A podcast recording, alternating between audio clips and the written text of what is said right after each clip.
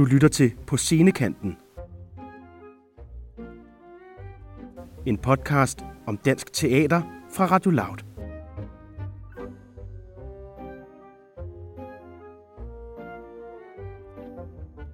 Din vært, Karen Dick. Velkommen til På Scenekanten, Louds program om scenekunst. I programmet der forsøger vi at blive klogere på, hvordan samfundsdebatten og de ting, der rører sig omkring os, kommer til udtryk i teater, performance, dans og alt det andet, der foregår rundt om på landets små og store scener. Jeg hedder Karen Dick, og jeg er journalist og dramatiker, og så er jeg jeres vært her på programmet. I dag der er jeg taget på besøg på Teater Republik på Østerbro for at tale med instruktør Anja Berens og skuespiller Fanny Berndt om forestillingen Den Kaukasiske Kritcirkel. Fanny hun er en lille smule forsinket, så vi begynder bare med Anja. Velkommen til, Anja. Tak. Hvorfor er teatret vigtigt i en krisetid? Øhm, jamen, fordi man har en særlig behov for at øhm, komme videre og igennem nogle svære tanker og følelser. Og øhm, man har brug for refleksionsrum, og man har også brug for en, en slags øhm, fællesånd, måske, hvor man kan øhm, øhm, trække vejr, og hvor man ikke behøver at løse det hele selv. Og måske også mærker, okay, jeg er heller ikke alene med det her. Jeg rummer med, eller jeg ved ikke helt, hvad jeg stiller op med. Og så tror jeg også, at øhm, det er også godt måske nogle gange at komme væk, væk fra det tunge. Og, øhm, så det er en sådan et spejl, altså som en balance i maven. Kig på det og reflektere, og samtidig også at øhm, kun hengive sig i kunstens skønhed, som ja, måske også en rensende eller helende kraft. Vi skal jo tale meget mere om øh, helende kraft og om fællesskab og om øh, øh, menneskets, øh, menneskelighedens øh, rolle i en krisetid. Og så skal vi tale om Bertolt Brecht, mm. som øh, har skrevet Den kaukasiske kritcirkel. Men først så tænker jeg, at vi lige skal have styr på, hvem du er, Anja. Så øh, lad os øh, begynde med, med det. Øh, hvor gammel er du, og hvor kommer du fra? Jeg er i starten af 40'erne, og jeg kommer fra Hamburg, øhm, Tyskland. Jeg er opvokset der, har min familie der. Så flyttede jeg til Berlin, da jeg var i 20'erne, og gik på en performance-skole der i Berlin, som hedder Michael Tschechow Studio. Så lavede jeg mine egne stykker og grupper og teaterperformance der i Berlin. Og så kom jeg til Danmark for uh, det er allerede 9-10 år siden. Hvordan øh, fandt du ud af, at det var teater, du gerne ville lave? Jamen, det, det, det var det bare. Jeg aner det ikke. Altså, jeg er ikke opvokset inde i en teaterfamilie. Jeg har set mig i teater, fordi det var en del af min opvoksnings... Øhm, øhm, men så er jeg lidt drama i skolen og sådan noget. Det ved jeg faktisk ikke. Altså, det, det var det bare, da jeg var 19 år, så tænkte jeg, at jeg skal blive teaterinstruktør, uden at jeg rigtig vidste, hvad det egentlig betyder. Og så øhm, rejste jeg lidt rundt for at kunne mærke efter, om det virkelig var det. Fordi øhm, jeg kunne godt mærke, at mine forældre var så lidt, hvorfor skal du være teaterinstruktør? Øhm, men det, det, det var bare sådan en klar vision. Og så blev jeg øhm, instruktørassistent i Hamburg på tre forskellige scener, for at øhm, lige præcis lærte lidt at kende, og lige se, hvad det egentlig betyder. Og der kunne jeg godt mærke, okay, jeg aner ikke, hvad jeg snakker om, når man sidder der som hospitant på Hamburger Schauspielhaus. Um, men um, jeg kunne alligevel godt mærke det. Um, og så fortsatte jeg bare med mine egne ting. Jeg gik i skole der um, øhm, i Michael Schächers studio, ne? Um, øhm, og der havde jeg også en, en vigtig lærer, som hedder Jobst Langhans, som stadigvæk bor i Berlin.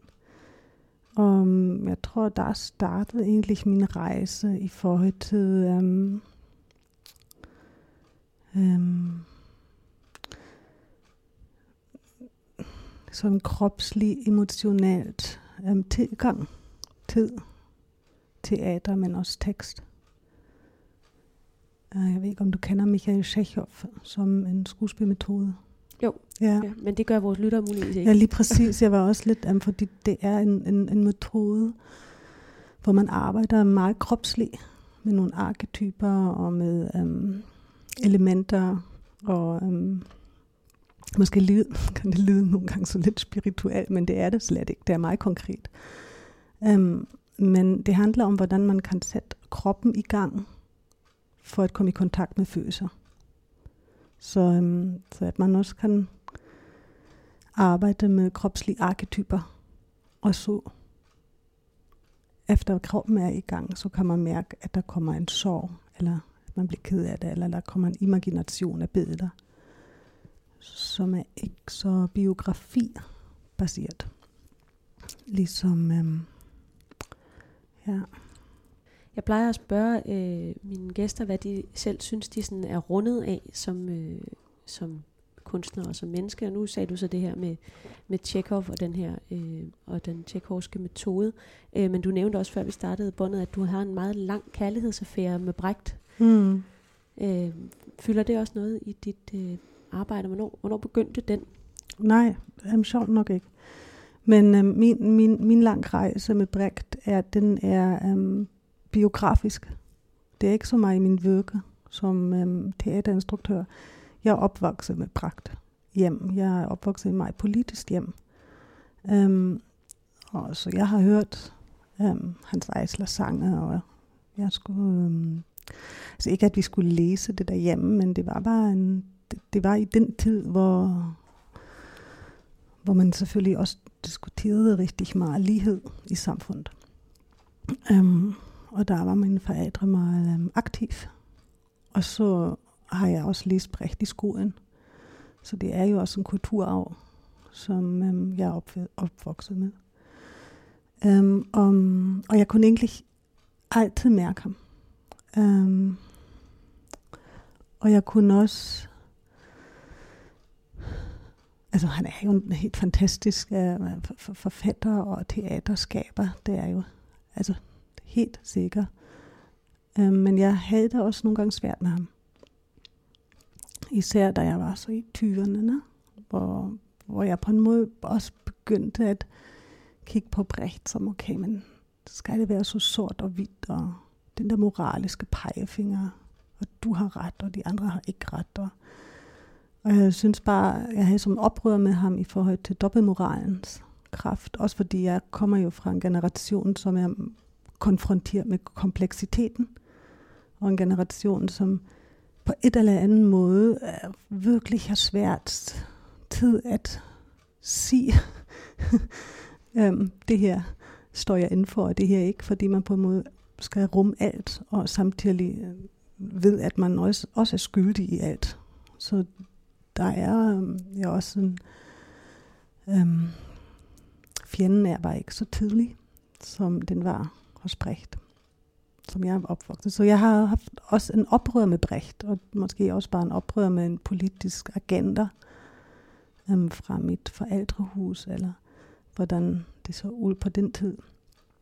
Øhm, men jeg kunne aldrig slippe ham. Altså, øhm, han var der hele tiden. Og han har sjovt nok også i den oprørstid med ham, hvor jeg måske kunne mere mærke Beckett i Becketts tvivel. Ja. Men øhm, også i den tid har han rørt mig. Helt sikkert. Um, og egentlig nu de sidste fem år har jeg tænkt ret meget på ham. Øhm, og han er kommet tættere på mig igen.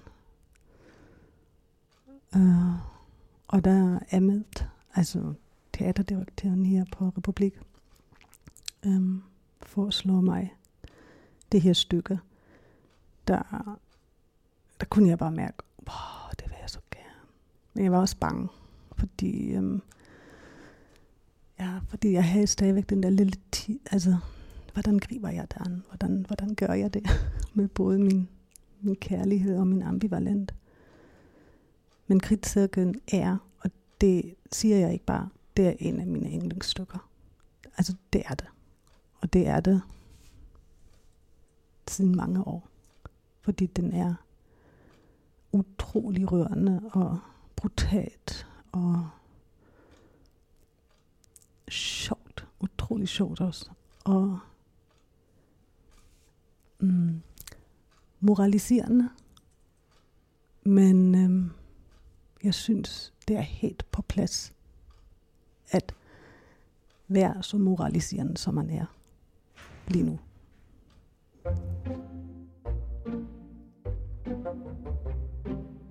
Du lytter til På Scenekanten på Loud. Jeg hedder Karen Dick, og jeg er jeres vært. Og i dag der taler jeg med Anja Berens om forestillingen Den Kaukasiske kritcirkel.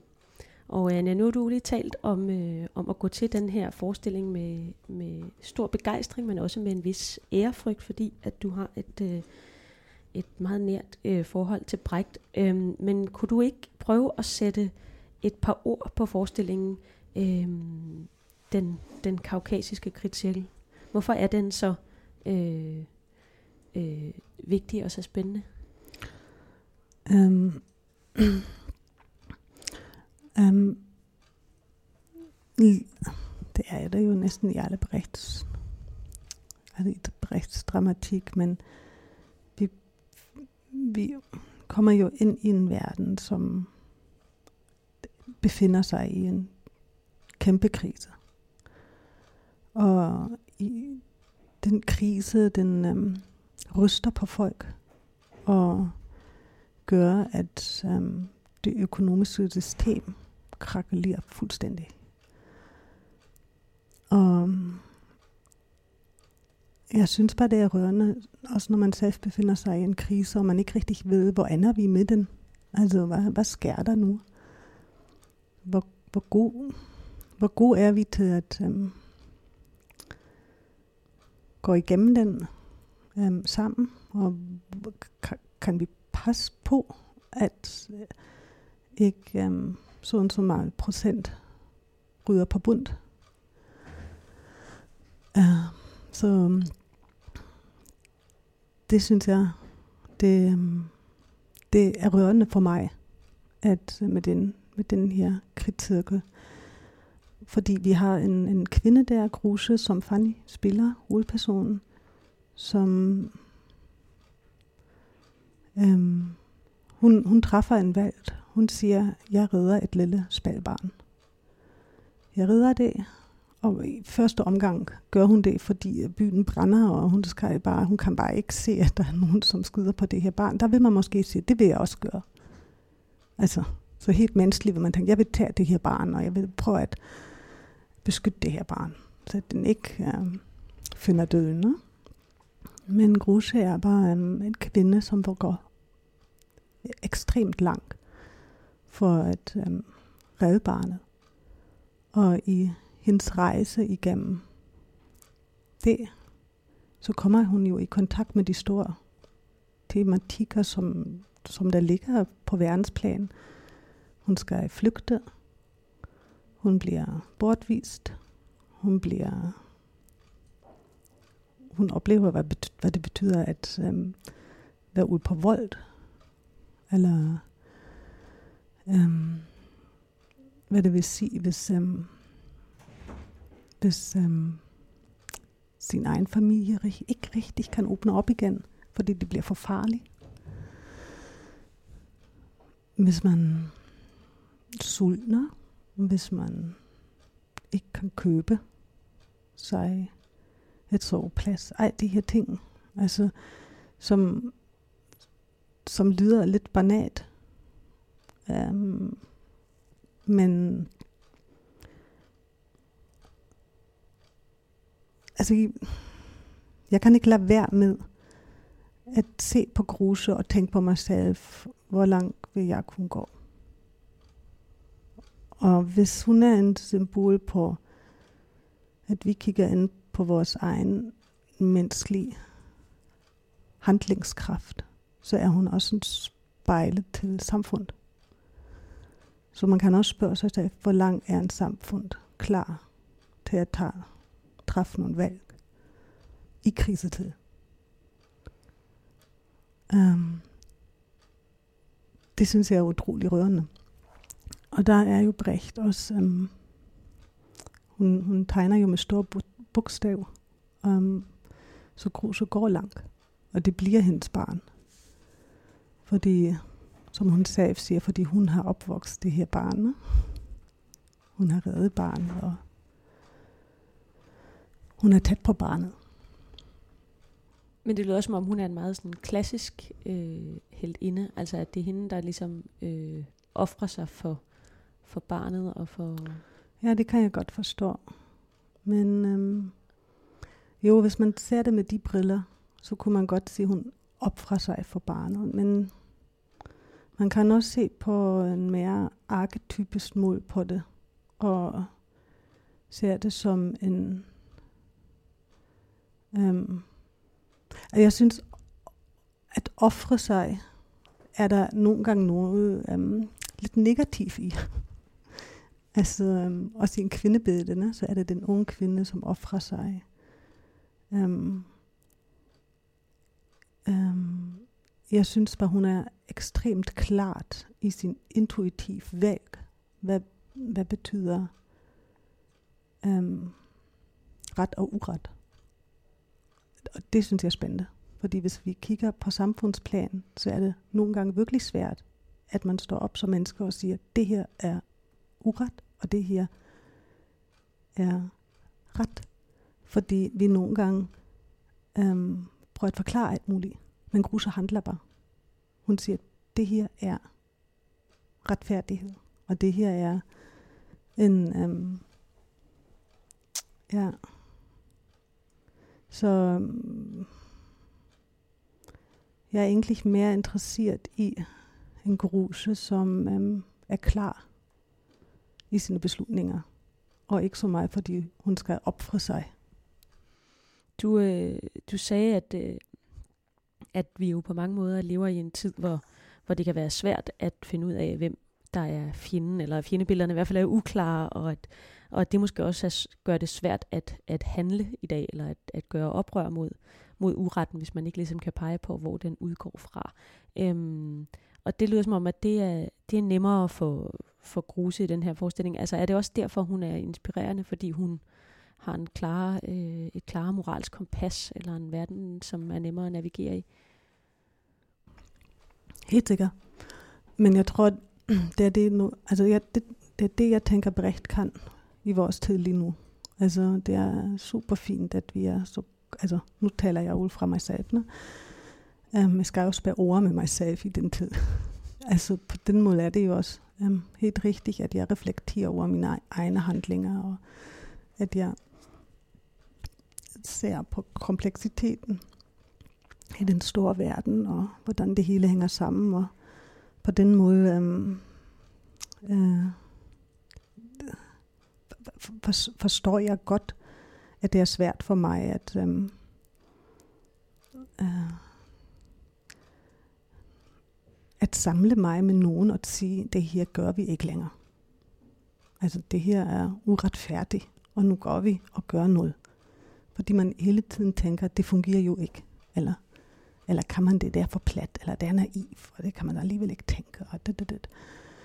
Men det, hvad Brecht jo siger, er, nej, der findes nogle værdier, og vi er nødt til at definere værdier. Man må gerne tale om godt og ondt. Man må gerne tale om ret og uret. Og, og vi skal også øhm, øh, kunne i tale sætte dem. Og så på den måde tror jeg, det er... Altså Brecht giver mig også en... Øhm, øhm, o, altså åbner også lidt mine øjne. For at... Øhm, for, for at moral ikke nødvendigvis er moraliserende, eller at det ikke nødvendigvis er en dårlig ting, i hvert fald hvis det Lige er, præcis, ja. At, øh, at vi godt kunne blive bedre til måske øh, også øh, uden for teaterets rum, at forholde os til, hvad der er godt og skidt. Lige præcis. Ja. Ja. Um, og det oplever jeg i hvert fald som en mærkelig nok noget, som jeg har um, som jeg er ikke så god tid. Uh, øh, jo, jeg er god tid at, at sige, at der er uret, og det, det, det, det, det er jo ikke det, men Men der er måske også langt fra at sige, at der er det til ligesom at gøre noget ved det, eller at handle. Altså du sagde det her med, at det er meget inspirerende, at Kruse, hun, hun, hun argumenterer ikke så meget. Hun gør bare, altså at faktisk ja. skal gå ud og, og, og gøre noget for at gøre verden til ja. et bare marginalt bedre sted. Ja. I det her tilfælde for det her barn. Ja, ja. og det er også, um, og, og der må være et eller andet um, helt klar, intuitiv fornemmelse af, det her er rigtigt. Altså, derfor går hun så langt. Um, og måske,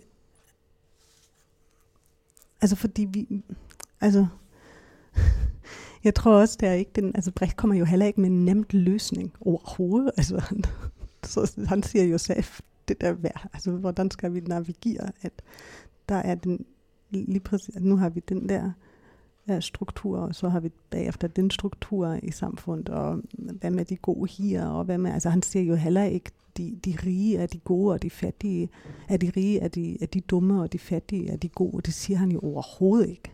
Altså, han siger jo bare, hvis man, hvis et system er bygget på, på ulighed, hvis en økonomisk system er bygget på ulighed, så fucker det op med menneskeligheden. Så begynder, så begynder man at, så begynder det at krakelere. Um, og, og det, det synes jeg jo totalt. Han har ret. Og det er måske endda endnu mere øh, aktuelt i dag, end da forestillingen er skrevet i midten af 40'erne, så vidt jeg husker. Ikke? Øhm. Ja, jeg ved ikke endnu mere. Måske i forhold til et verdensplan endnu mere. Altså, øhm, men øhm, han har jo skrevet det her stykke i eksil, ne? Altså, det var jo brandpunkt. Han var jo midt i krisetiden der. Altså, endnu værre kan, kan det jo næsten ikke være end på det tidspunkt. Men øhm, når man kigger på ulighed i, på hele, på verdensplan, helt sikkert. Altså, det er der men det er også nemmere at fortrænge. Jeg skulle sige, det er måske også derfor, det er nemmere at, at øh, ikke at, at handle, fordi at dem, der så ligesom sidder på ja. øh, flæsket, de er meget, meget langt væk, og ikke bare i den samme by på en, Lige præcis. Øh, et, i et finere hus med, Lige med præcis. ansatte under sig. Ja, men jeg kommer også til at tænke på, at du sagde med, altså det her med, at øh, offrer hun sig op, um, offrer hun sig.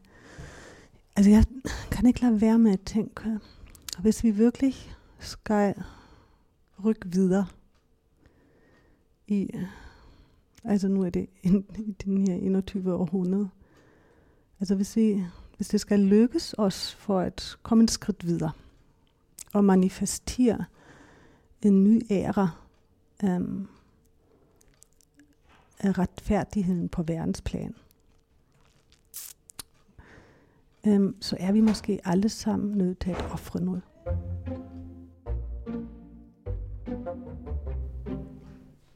Lytter til På scenekanten på Loud. Jeg hedder Karen Dick, og jeg er jeres vært, og i dag der er jeg på besøg på Teater Republik på Østerbro for at tale om forestillingen Den Kaukasiske Kritcirkel. Og indtil videre så har jeg øh, talt med instruktør Anja Berens, men nu er skuespiller Fanny Berndt også ankommet. Hej Fanny. Hej. Og øhm, jeg har jo nået igennem en blå bog med Anja tidligere, så måske skal vi lige også have lidt styr på, øh, hvem du er. Øh, jeg plejer at starte med at spørge, øh, hvor gammel du er, hvor du kommer fra, og mm-hmm. derefter, øh, hvordan du fandt ud af, at du skulle øh, spille teater. Ja, det er jo sådan en lang historie, men jeg prøver at gøre den kort. Jeg er 32 år, jeg kommer fra København, og øh, jeg øh, fik tilbudt en rolle i en film, da jeg var 10 år gammel.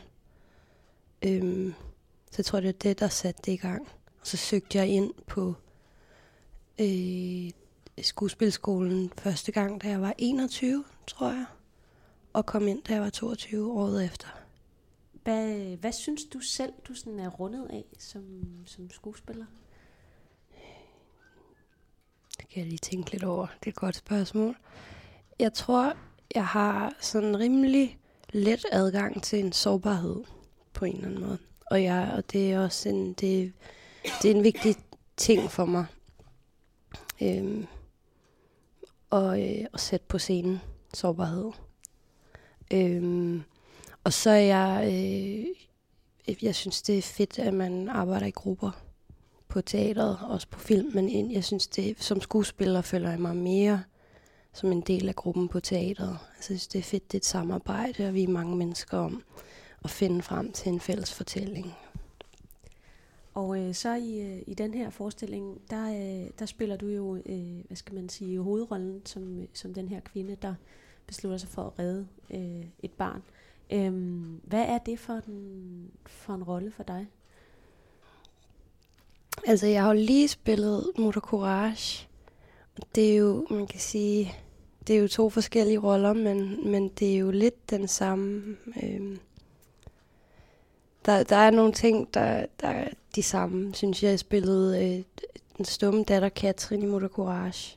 Det er de her empatiske kvinder, som samfundet ikke, som samfundet tramper på, på en eller anden måde, som ikke får plads. Anja og jeg, vi talte lidt om, om den her kvinde, der ligesom øh, offrer sig mm. øh, for sagen, og, øh, men at det også er lidt svært, at, det også er et svært sted at være, eller at den der øh, offerrolle også er, et, en, øh, en problematisk øh, forventning om kvinder, der offrer sig for sagen. Mm. Øh, har, du, har du gjort dig nogle tanker om det i den øh, forbindelse? Ja, altså nu er der tre uger til premieren, men jeg gør mig da alle mulige tanker om det. Øh, øh, præcis, vi har snakket meget om, hvordan vi, altså det, det er vigtigt på en eller anden måde, ikke kun at gøre hende til et offer, eller til et rent øh, sådan romantisk figur, men gør hende til et rigtigt menneske. Det synes jeg også, altså det synes jeg også, der er alt muligt belæg for i teksten. Jeg synes faktisk, hun er rigtig sejt skrevet, og hun har, altså hun, hun er en sej figur. Hun, øh, hun er ikke bare en smuk ung kvinde overhovedet. Øhm, hun er en vis, på en eller anden måde, ung vis kvinde. Altså, øhm, så det vil man jo gerne have frem. Øhm, hvad ellers? Så t- jeg tænker meget over det der med altså at være et godt menneske. Jeg synes, der ligger meget, jeg synes, det, lidt, det ligger i historien, at det for mig kan jeg få noget af at tænke, det handler om at, at, at, at praktisere det i sin hverdag. Hele tiden prøve at være et godt menneske, fordi så forhåbentlig, når krisen rammer, hvis, hvis, hvis man står i en kritisk situation på et eller andet tidspunkt, så handler man rigtigt. Fordi man ligesom har...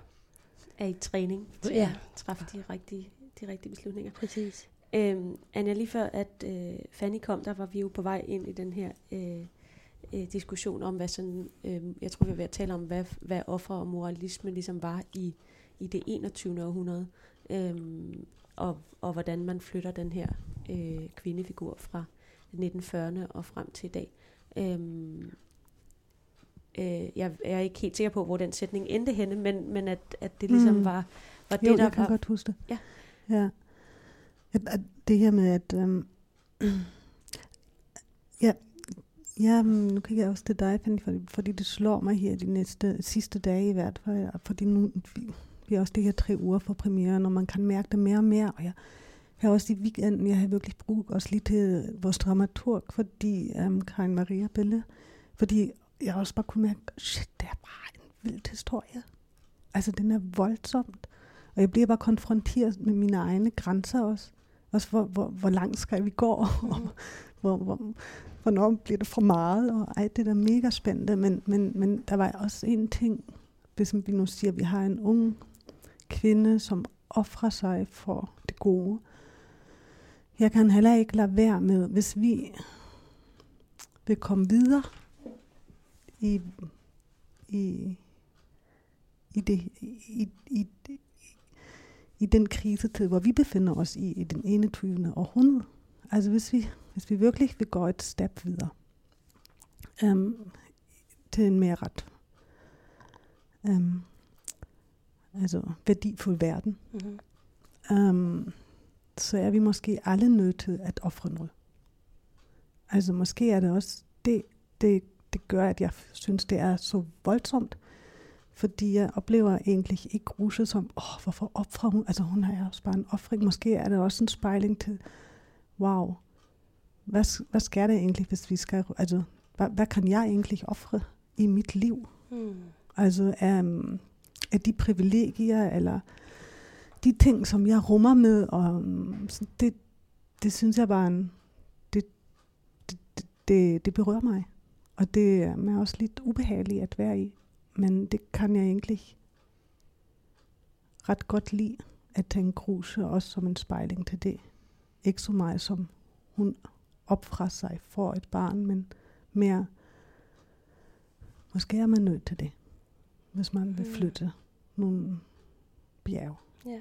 Og måske skal det ikke kun være én person. Måske skal vi alle sammen gøre det. Um, så på den måde er hun jo en symbol, Mm. og ikke så meget en ung menneske. Mm. Altså, hun er en symbol, en arketyp for en kraft, som vi har brug for. Kig på, reflektere. Um, og komme også lidt i, um, i retssagen med os selv. Um, og så kan man også godt indrømme at sige, jeg kan ikke gå så langt som Rose. Og det er også fint. Men i det mindste har man kigget på det Mm-hmm. og har sat ord på det måske, eller en følelse. Og ja, det, det, det er det, hvor jeg var hen i weekenden i Ja, hvert fald. det synes jeg er vildt smukt. Men jeg tænker også på, fordi du, du øh, sådan stejlede lidt over det der med at ofre sig øh, i begyndelsen, og det er måske også, fordi vi har sådan det om, at, at det der med offeret, det er tit sådan lidt øh, øh, Mm. magtesløst, eller så er, man, så er der ligesom noget andet verden øh, pålægger en, og det er jo i virkeligheden, Mm. at det modsatte, der er på spil her, er jo, at hun øh, tager en hel masse ansvar og Ja, handler en hel Jamen, masse. præcis. Altså, så det er det, det, det at, at ofre sig i virkeligheden ikke særlig passivt, det er i virkeligheden en ekstremt aktiv Og handling. handlende kraft. Helt klart, ja. Hun, ja, hun, hun kæmper jo faktisk hele vejen igennem. Mm. Altså, det, hun er jo i kamp. Mm. på en eller anden måde. Hun er ikke... Og spørgsmålet Ja. er, om man ville bruge det der med det begreb om at ofre sig, hvis det var en, hvis det var en mand, der foretog sig de samme øh, Mm. øh, handlinger. Altså der var så et, øh, på en eller anden måde et, et øh, normativt sådan, kønsforventning til at, Brug det ord. til at bruge det ord. Mm. Mm. Det kan godt være. Ja, egentlig spændende, at man tænker det som en negativ ting, ikke? Altså, synes bare, det er en meget smuk tanke, at man skal, man skal være klar til at give afkald på nogle ting i sig selv. Vi kan være så fokuseret på, at vi skal have plads, og vi skal være der. Og jeg synes nogle gange, jeg savner det oprør, der hedder, at vi skal praktisere omsorg og næstekærlighed og sårbarhed og sådan nogle ting. Mm. Vi, øh, vi talte også om det her med, Mm. at øh, nu forestillingen er jo skrevet i, øh, i, i 40'erne, og øh, altså Brix skrev den i eksil, og der er jo krig, og det var jo sådan meget øh, sådan akut krise, men på mange måder befinder vi os jo også i en krisetid her i det 21. århundrede, altså ikke kun øh, pandemikrisen, men jo også en, en klimakrise og en øh, demokratisk øh, krise med nogle store spændinger og sådan noget. Hvordan, øh, hvordan flytter man øh, Brecht 1945 ind i, i det 21. århundrede? Altså, øhm, Jeg synes bare, det er, at hun er på flugt. Altså for mig at skulle identificere mig med en flygtning, hvad vil det sige at være på sådan en rejse? Ja. Det er, en ret, det, det er en, faktisk en ret vild oplevelse ved den her opgave og den her rolle. Prøve at sætte Mm. sig ind i og forstå, hvad vil det egentlig sige. Mm. Øhm, for det er svært, det er faktisk svært. Altså det, det er faktisk svært for mig at forstå, og det er ikke noget, jeg tænker over sådan i min hverdag. Jeg tænker, at det er forfærdeligt, at det sker, men sådan virkelig prøve at mærke på egen krop, hvad vil det sige at være på vej på den måde med et barn. Det er der jo rigtig mange, der er i dag. Jeg tænker også, der er jo noget, det er jo det fede med de gode klassikere, um, at deres um, urkraft er tidsløs. Altså, vi behøver ikke at flytte hans univers i det 21. århundrede, fordi stoffet er universelt, og vi har ikke ændret på det endnu. Så derfor er det totalt aktuelt. Så man behøver ikke øhm, sætte det ind på København, altså i en moderne op, altså øhm, altså det var man, det var, hvad jeg og også dramaturgen, Kai Maria Bille, hvad vi gjorde, det var jo at, at beskære teksten og fokusere på de ting, som vi synes er mest relevante i dag. Og, og måske ligger der noget sprogligt som i Brecht, som man også skal fortætte lidt, så det ikke virker um, gammeldagsagtigt. Um, så, så jeg synes, der er mere, det handler mere um, om at, at skærpe selve stoffen lidt ind i, i vores tid, men um, rammen, altså form, um, øhm, det, det, det, um, altså vi har en ret tidsløs scene, så vi gør os ikke umage og siger, kan du se, jeg er, jeg står på Nørrebrogade. Men man kan læse det ind. Man kan læse det ind i en tidsløs øhm, kamp. Forhåbentlig stopper den jo på en tidspunkt. Og så skal man spille bredt på en helt anden måde. Du, øh, vi, vi talte om det her med, sådan, med, med Brecht, sådan øh, øh, stærke moral, og også måske nogle gange sådan mm. moraliserende ja. øh, tekst. Hvordan, hvordan arbejder man med det, når man jo også, altså det går jeg ud fra, som, både som instruktør og som spiller, jeg jo gerne vil, vil undersøge øh, også, hvad der er øh, godt og ondt, og hvorfor folk handler. Altså, hvordan, hvordan arbejder man så ligesom med noget, som er så øh, moralsk i sin kerne? Det er jo altid, det er jo specielt, at figurerne er så arketypiske. Altså, det er jo en speciel udfordring. Men jeg synes faktisk, noget af det, der er ret utroligt ved Brecht, det er, at han kan skrive de her sådan meget arketypiske, og sådan, altså det kan næsten være sådan, øh, så simpelt som børneteater, nogle af situationerne, men så samtidig har de en psykologi, mm. der faktisk er ret kompliceret, altså, og sådan ret... Øh, det, det er svært at forklare, men der er, et eller andet ret, der er en eller anden dobbelthed i det, som er ret spændende at spille på. Øhm, de er psykologisk komplicerede figurer, men de er, men de er ligesom arketypiske, især i deres, altså over for hinanden. Ikke? De mm. repræsenterer forskellige sider af samfundet eller af mennesket. Eller. Jo, og jeg tror, altså, jeg tænker også, det er også spændende, at du spørger det nu, fordi vi er det her tre uger for premieren. Vi har ikke haft vores første gennemspilling endnu. Så det er også, jeg kunne sagtens forestille mig, at, de næste, at vi bruger rigtig meget tid på i den næste uge, hvor skruer vi op, og hvor skruer vi ned. Altså, hvor går vi ind i det der mere arketypiske karikaturlandskab, og hvornår går vi helt ind til et menneske her og nu. Altså fordi, fordi det, det synes jeg stadigvæk er svært at mærke, hvornår skal vi det. Vi har fundet nogle momenter, hvor vi siger, okay, her skal vi virkelig mærke det menneskeligt. Um, ja. Jeg tror, det bliver som forhandling frem til premieren. Mm-hmm. Altså virkelig en forhandling hele tiden, hvor meget man um, vil have af det ene og det andet. Men, øhm, men mm, jeg håber, vi finder en balance. Altså jeg håber, at vi både kan være klar med moralitet, som siger, det og det har vi brug for, og det og det vil jeg gerne sige, og samtidig også øhm, kan give en, en, en åbenhed til publikum til en egen refleksion, hvor man ikke alt viser med pegefinger. Fordi det synes jeg jo er også irriterende bebredt. Og det må man jo godt også ændre på, synes jeg. Så en, så en opfordring til at øh, handle godt, men måske også en bevidsthed om, at det øh, koster og er svært at pege på, hvor man, mm. hvad man selv har at give af i ja. sit eget liv, eller tage den tanke med hjem i hvert fald, om hvor man selv kunne mm. noget, miste noget, risikere noget. Mm.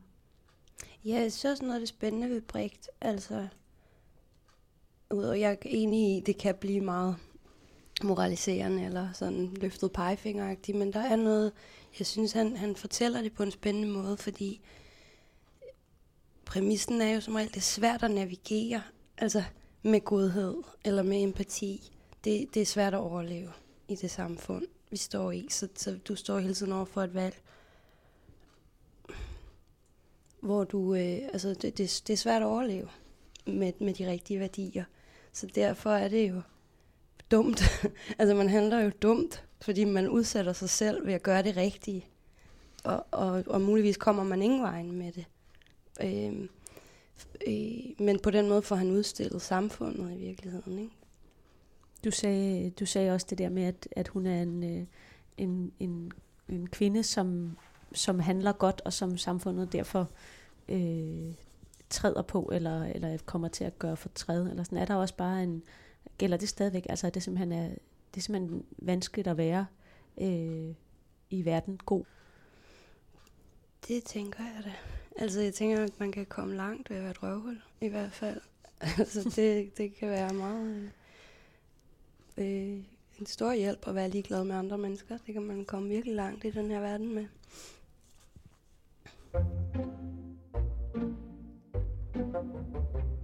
Du lytter til på scenekanten på Loud. Jeg hedder Karen Diger, og i dag der taler jeg med instruktør Anja Behrens og med øh, skuespiller Fanny Berndt, og vi øh, taler om forestillingen Den Kaukasiske Kritcirkel, som har premiere på Østerbro Teater om et par uger. Øhm, og det her program, det øh, fokuserer jo, øh, som indledningsvis nævnt, øh, særligt på forholdet mellem scenekunsten og samfundet og samfundsdebatten eller samfundssamtalen, som jeg øh, øh, gerne øh, vil forsøge at kalde den i stedet for. Øhm, så, øh, så det kunne jeg godt tænke mig at spørge jer om, om I synes, at teatret har en eller anden form for særlig, eller bare en form for forpligtelse over for, for de ting, vi øh, der rører sig i samfundet, og måske de ting, vi taler om. Altså både som, hvad skal man sige, spejl, men måske også til at i gang sætte nogle andre samtaler, end dem vi allerede har. Altså, jeg tror jo faktisk virkelig på teater som kunstform. Øh, øh, jeg tror helt klart på, at det kan ændre verden for os. Altså, selvom det lyder lidt, det er en lidt corny formulering. Øh,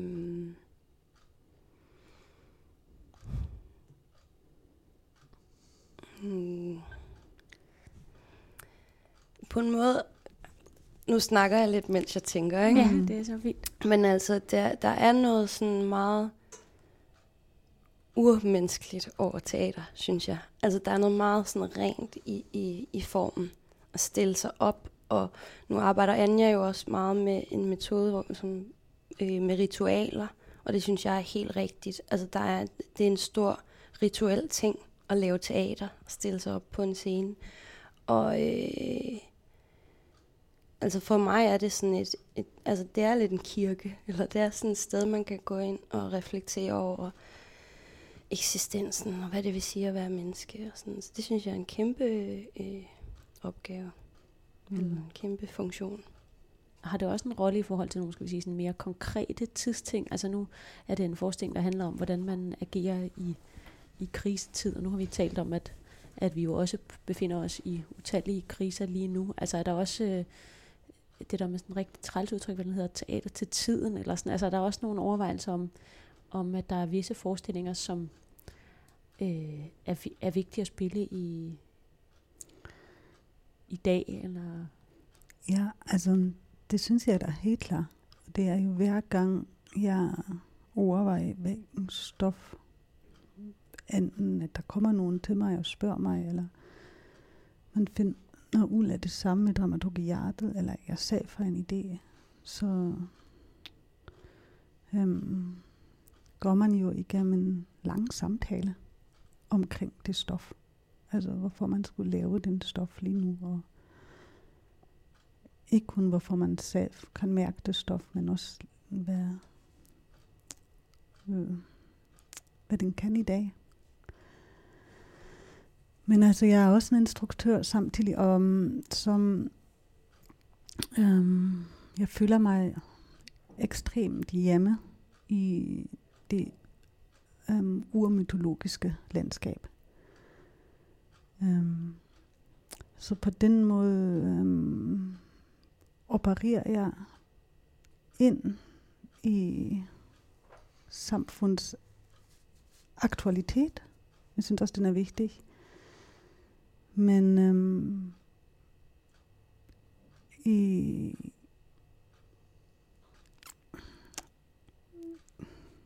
ja, ja, det bliver begrænsende for mig, hvis jeg tænker det som, hvis jeg laver kunst, at jeg skal tænke, at jeg har en ansvar for det. Eller hvis jeg skal øhm, forløse det. Eller hvis jeg skal forklare det, eller komme med en løsning, eller, eller hvis det skal være politisk. Øhm, det betyder ikke, at jeg ikke laver politisk teater. Men det er også noget, som jeg skal befri mig lidt ud af det. For at kunne være i øhm, kunstens kraft, som er ikke godt eller dårlig, men som ja, jeg har brug for at mærke øhm, kunstens præmisser.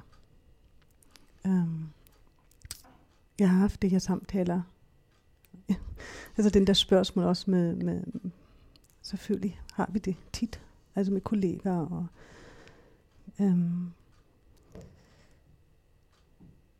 men jeg kan ikke lade være, altså for mig helt personligt, er det både vigtigt, at jeg tager ansvar, og samtidig, at jeg også slipper den, for at kunne lave det kunstværk. Men jeg tænker, det at vælge bræk, er jo også en, øh, altså en beslutning om gerne at ville lave noget teater, der, der vel i sin essens, altså forskellen på godt og ondt, er vel, øh, eller forhandlingen af godt og ondt, er vel i sig selv også det, der er politik, tænker jeg, i sin sådan grundessens. Helt sikkert.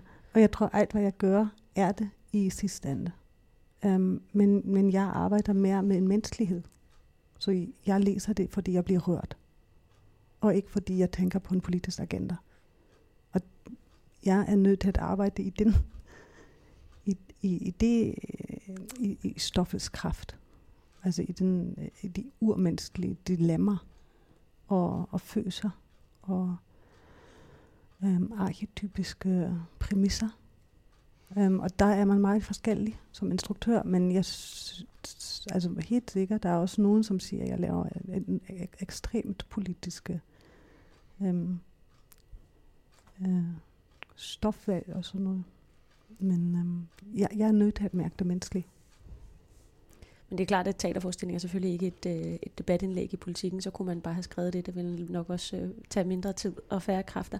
Øh, men du sagde det her med, at, at man skal kunne føle det, det er måske også det, der er, er kunsten i det. Altså mm. at, at gøre de her øh, politiske spørgsmål øh, til nogen, man kan mærke på sin egen krop, når man sidder Lige præcis. Øh, inde i salen. Og derfor er jeg nødt til at mærke den på min egen krop. Og også gerne de spiller at de, at de også mærker det på deres egen krop. Skal jeg sige, så er vi tilbage ved Tjekov, hvor vi, øh, hvor vi startede, da vi talte om din mm. uddannelse. Altså det her med sådan at bringe den, den kropslige, øh, øh, ja, sensoriske, øh, ja, det at man kan mærke det i kroppen, øh, og følelserne i kroppen i spil den vej. Overhovedet skulle forestille sig krig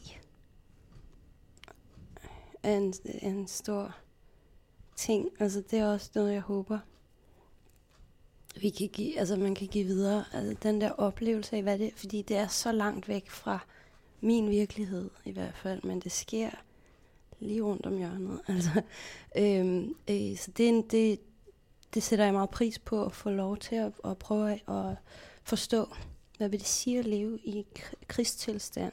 Altså, hvad er det, der er på spil? Og, det har Brecht jo skrevet om rigtig meget. Ikke? Hvad kunne mm. I... Øh hvad kunne I godt tænke jer, at, øh, at publikum sådan tager med hjem? Ikke nødvendigvis svar, det kan også være nogle spørgsmål eller tanker, refleksioner.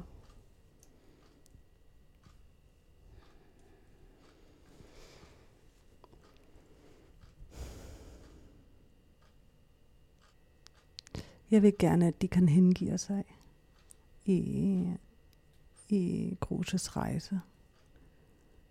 Og at de um, øhm, både kan blive rørt og kan mærke det brutale lag, som der ligger, og som jeg også synes, vi finder mere og mere, egentlig. Men at der er også plads til at give luft og grine over det der absurditet, og sin egen absurditet, og der er det der det store teaterspil, som vi spiller i verden. Så øhm, jeg håber, at vi finder der sådan en god balance, hvor man tør at give sig hen i de dybe vand, og også kunne kigge med afstand på noget. Jeg har faktisk lyttet til her i går hele dagen til Max Richters nye album. Kender I den uh, Voices? Nej. Nu har jeg slukket min mobiltelefon, ellers så vil jeg um, lige vise den der. I'm going to read you the Universal Declaration of Human Rights. The preamble.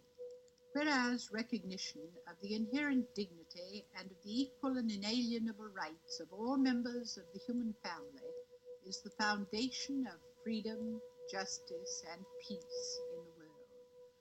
Now, therefore, the General Assembly proclaims this Universal Declaration of Human Rights as a common standard of achievement for all peoples and all nations, to the end that every individual and every organ of society, keeping this declaration constantly in mind, shall strive by teaching and education to promote respect for these rights and freedoms, and by progressive measures, national and international, to secure their universal and effective recognition and observance.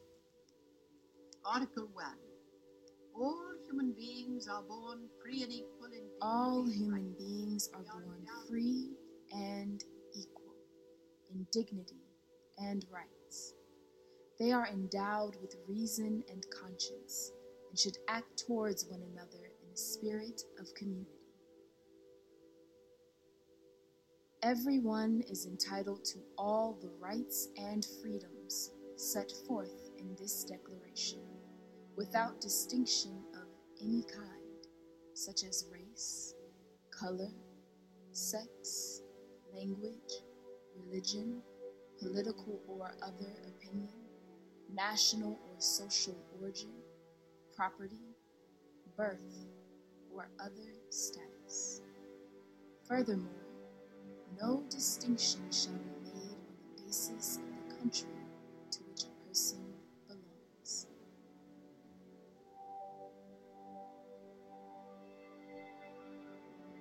I forhold til forestillingsslutningen, synes jeg, det vil være så fedt, hvis vi kunne lande et sted, hvor man... Øhm, altså hver for sig selv, hvor man står i sit lille liv, eller store liv, komplekse liv. Men hvis man kunne mærke, jo, det er faktisk rigtigt. Vi har nogle menneskelige rettighederne på papir. Vi skrev det ned. Vi gjorde det for så og så mange år siden. Vi var fælles om det. Lad os læse højt op på den igen. Altså lad os, lad os komme på banen med dem igen.